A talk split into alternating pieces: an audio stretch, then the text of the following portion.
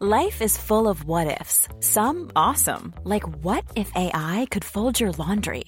And some, well, less awesome, like what if you have unexpected medical costs? United Healthcare can help get you covered with Health Protector Guard fixed indemnity insurance plans. They supplement your primary plan to help you manage out of pocket costs. No deductibles, no enrollment periods, and especially no more what ifs. Visit uh1.com to find the Health Protector Guard plan for you. Burrow's furniture is built for the way you live. From ensuring easy assembly and disassembly to honoring highly requested new colors for their award winning seating, they always have their customers in mind. Their modular seating is made out of durable materials to last and grow with you. And with Burrow, you always get fast, free shipping. Get up to 60% off during Burrow's Memorial Day sale at burrow.com slash ACAST. That's burrow.com slash ACAST. burrow.com slash ACAST. هذا بودكاست المستجد من الصين.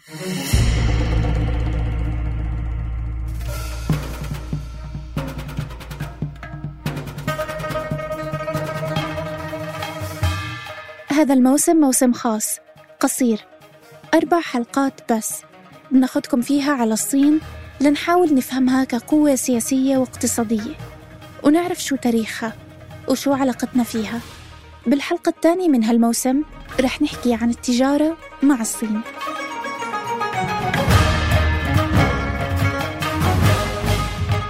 أنا لما رباح وهذا بودكاست المستجد. وأنا صغيرة كنت بمدرسة مختلطة قصدي فيها فقراء وأغنياء. مع بداية كل سنة دراسية وكل ما نكبر بصير مهرجان العودة للمدارس أهم وأهم. ليه؟ لأنه في بالموضوع بوت جديد يعني حذاء بدل اللي اهترى بالصيف وأمل كبير بشنطة ظهر جديدة. ترضي كل الناس قرطاسية class كتير شيك و class.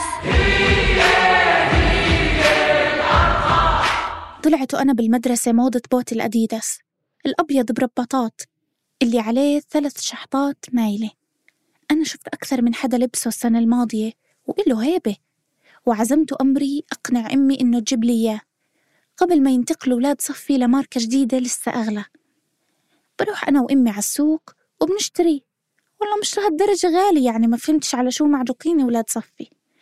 بروح على البيت بجربه. حلو والله وشلبي ما أحلاه علي. بس بعد الشحطات بيطلعوا أربعة مش تلات وعزة مش أديدس هاد أبي بس بالباء يا أكابر. كنت رح أموت وألبسه وينشرح صدري. ولكن سرعان ما انكشف أمري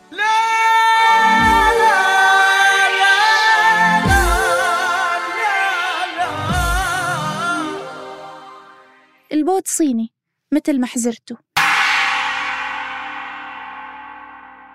ولما نقول صيني أول إشي بخطر في بالنا إنه تقليد بس كيف امتلأت أسواقنا بالبضائع الصينية؟ ومين قلد مين الأول؟ إحنا ولا الصين؟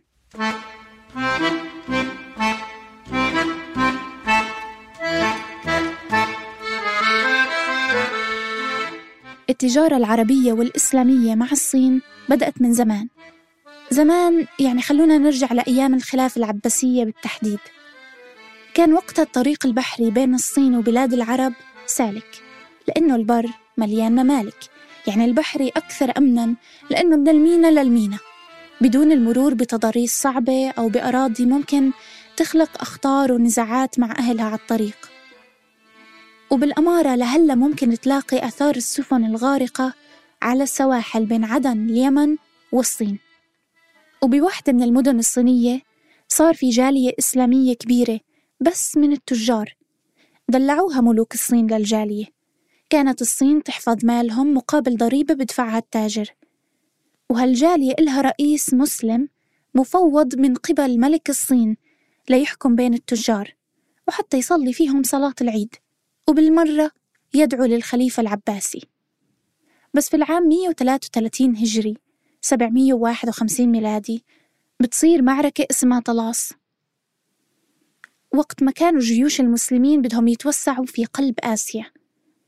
المعركة الوحيدة بين أقوى إمبراطوريتين في ذلك الزمان الخلافة العباسية وإمبراطورية تانغ الصينية وبنتصروا المسلمين على الصين. بعد الهزيمة في 1500 أسير صيني بنخطفوا على الكوفة بالعراق. وبنحكيش عن يوم وسنة. بيبقوا الأسرى 11 سنة. بهالسنين الأسرى الصينيين بيعلموا المسلمين صناعة المنسوجات الحريرية والخزف والنقش على الذهب والأهم صناعة الورق. صناعة الورق اللي بعدين نقلها المسلمين لبقية العالم. وحتى الخزف يعني. بعدها لاحقا الخليفة المعتصم ومعتصماه أبو إسحاق محمد المعتصم بالله بن هارون الرشيد بن المهدي بن المنصور ما غيره كان معجب بالخزف الصيني. فحكى المعتصم للصناع المسلمين يقلدوا الخزف الصيني. فجابوا عجينة بيضة مزخرفة بتشبه الخزف. وصاروا يعملوا جرار تقليد ويصدروا. يعني مين قلد مين بالأول؟ أنا والشايط الليلي وإنت تغيب أنا والعين نسأل فين نغلى حبيب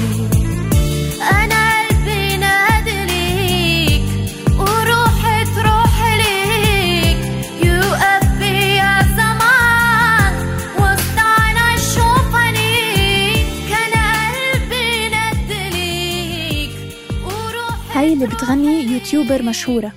اسمها عائشة الصينية.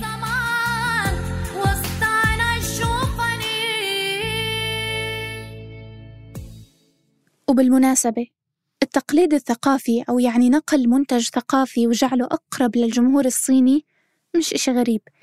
مثلا عادي تلاقي قصص هاري بوتر المشهورة بس نسخة صيني. بسلسلة القصص في عناوين مثل هاري بوتر وصعود الفهد إلى التنين. هاري بوتر والدمية الخزفية الصينية. المهم إن الصين اليوم أكبر دولة منتجة للبضائع المقلدة والمزيفة خاصة للماركات العالمية في عالم الموضة والإلكترونيات والساعات. في بعض الأحيان هذا التقليد شجع على الإبداع بالمصانع الصينية لدرجة إن التقليد بصير أحسن من الأصلي من حيث الجودة وأقل بالسعر ناخد الموبايلات مثلا. الموبايلات الصينية المقلدة فيها شريحتين مش وحدة. فالمنتجات المقلدة صارت كمان تفكر باحتياجات إضافية للمستهلك. وكمان مرة بسعر أرخص. مرات بشبهوا الصين بروبن هود. بسرق الفكرة من الأغنياء أو بستعيرها وبرجعها للفقراء مع حبة بركة. زي بوت الأديداس مع شحطة زيادة. روبن هود روبن هود يمشي سعيدا في الغابات حوله الأصدقاء. روبن هود روبن هود يمضي في عزم وثبات عيناه دوما للسماء. تسعى الصين للتفوق التكنولوجي العالمي وعندها خطة عبر مشروع اسمه صنع في الصين 2025 تهدف الصين من خلاله لتتحول من إنتاج سلع عادية الجودة لسلع عالية الجودة. بالأساس الحكومة الصينية بتشوف إن الصناعات المزورة بالنهاية مضرة بالاقتصاد الصيني وبسمعته. فصارت تسن قوانين للملكية الفكرية وتحاسب الجهات اللي بتصنع أو بتبيع منتجات مقلدة. حتى عم بتحاول تحذف هاي المنتجات من مواقع التسوق عبر الإنترنت. زي شركة وموقع علي بابا الصيني الشهير. غير إنه عادة تنرفع قضايا على المقلدين وبضطروا يدفعوا تعويضات ضخمة للماركة أو العلامة التجارية الأصلية. ويعامل الموضوع على إنه فعلا جريمة.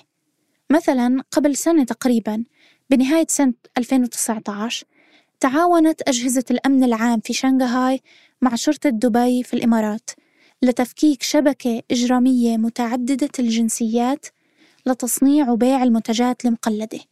ضبطوا حقائب وصناديق وملابس مقلدة قيمتها مليار و800 مليون يوان صيني.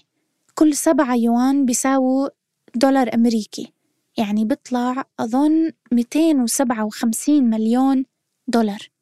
المهم الكثير من الحقائب. ضبطها الأمن وصدرها ودمرت شرطة دبي أوكار وهمية في أراضيها لهاي الشبكة. فيعني الموضوع كبير وبيكبر أكثر.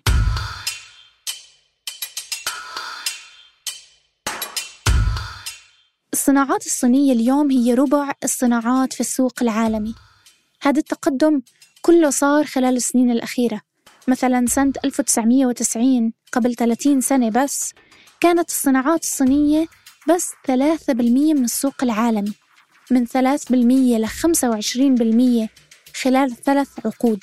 بنحكي عن تصنيع الصين ل 80% من أجهزة التكييف بالعالم 70% من الأجهزة الخلوية والموبايلات 60% من الأحذية غير إنه الشركات الصينية بتنفذ مشاريع كبيرة في البتروكيماويات والأسمنت والفوسفات.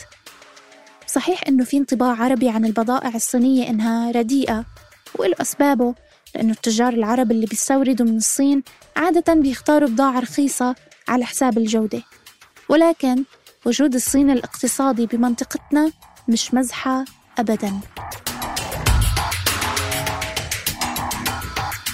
هي أكبر مصدر للبضائع في العالم واستثماراتها في البلاد العربية توصل ل 230 مليار دولار وأكثر. فبالسنوات الأخيرة استثمرت الشركات الصينية في مشاريع الاتصالات والتجارة بشكل كبير.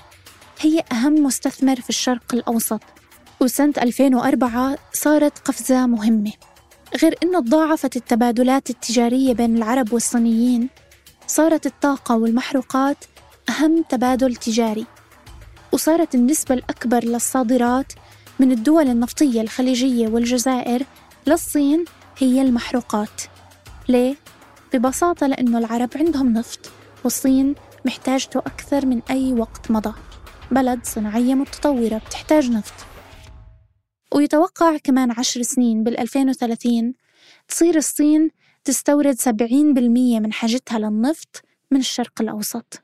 هاي العلاقة مش وان واي الحياة أخذ وعطا مقابل هالنفط اللي بتستورده الصين من الخليج الخليج نفسه بيوفر للشركات الصينية عقود ذهبية لمشاريع البناء والبنية التحتية. مثلا استاد لوسيل الدولي اللي تم تشييده لكأس العالم 2022 في قطر. وعقود لمشاريع في السعودية في مصفاة ينبع والسكة بين جدة والمدينة. وبتنتظر الشركات الصينية عقود أخرى لتلعب دور في إعادة الإعمار بالعراق وسوريا واليمن. إذا أخذنا العراق مثال بنشوف إنه السنة الماضية بأيلول سبتمبر 2019 وقعت العراق اتفاق مع الصين بعنوان الإعمار مقابل النفط.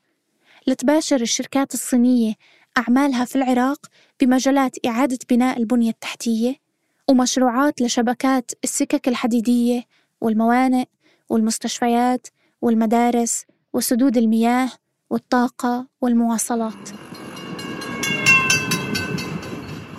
وبنلاقي وجود للصين كبير عبر علاقات تجارية مع مصر مثلا كونها ثاني أكبر شريك اقتصادي لأم الدنيا ليه هالعلاقة المميزة؟ وليه صار الرئيس عبد الفتاح السيسي زاير الصين خمس مرات خلال السنين الأخيرة؟ لأنه في بمصر قناة السويس. ممر ممتاز للبضائع الصينية اللي رايحة على شمال أفريقيا وعلى أوروبا.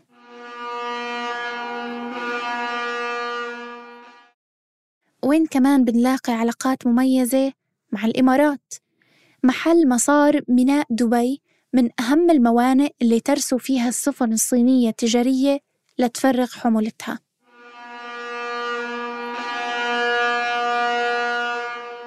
في الجزائر كمان تحضر الشركات الصينية في قطاع الإسكان ومشاريع البنية التحتية من توسيع سكك حديدية وطرق سريعة والمطار الجديد بالعاصمة والملعب الأولمبي في وهران وأكبر سجن في الجزائر والجامع الأعظم. وشو كمان؟ الميناء.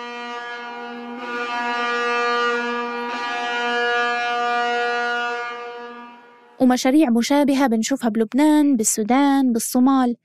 كل هذا جزء من مبادرة حزام واحد طريق واحد اللي أعلنتها الصين سنة 2013 وهي خطة طموحة بدها تعيد الأمجاد لطريق الحرير التاريخي. وقعت الصين ضمن هالمبادرة وثائق تعاون مع 17 دولة عربية لتعزيز العلاقات الاقتصادية والتجارية بين الطرفين. والأمر مش مقصور على العرب. حزام واحد طريق واحد رح يشمل 65 دولة بالعالم ويغير وجه التجارة العالمية ويأثر على حياة أكثر من أربعة مليار إنسان. بالحلقة الجاي رح نحكي عن التكنولوجيا في الصين وعن التيك توك وحرب الهاي تك مع منافسة الصين الأولى أمريكا. استنونا. هذا كان بودكاست المستجد وكنا معكم بالتقديم والكتابة لما رباح وبالبحث زيد شعيبي وبالتصميم الصوتي تيسير قباني ما تنسوا تشتركوا بقناة المستجد على منصة البودكاست اللي بتفضلوها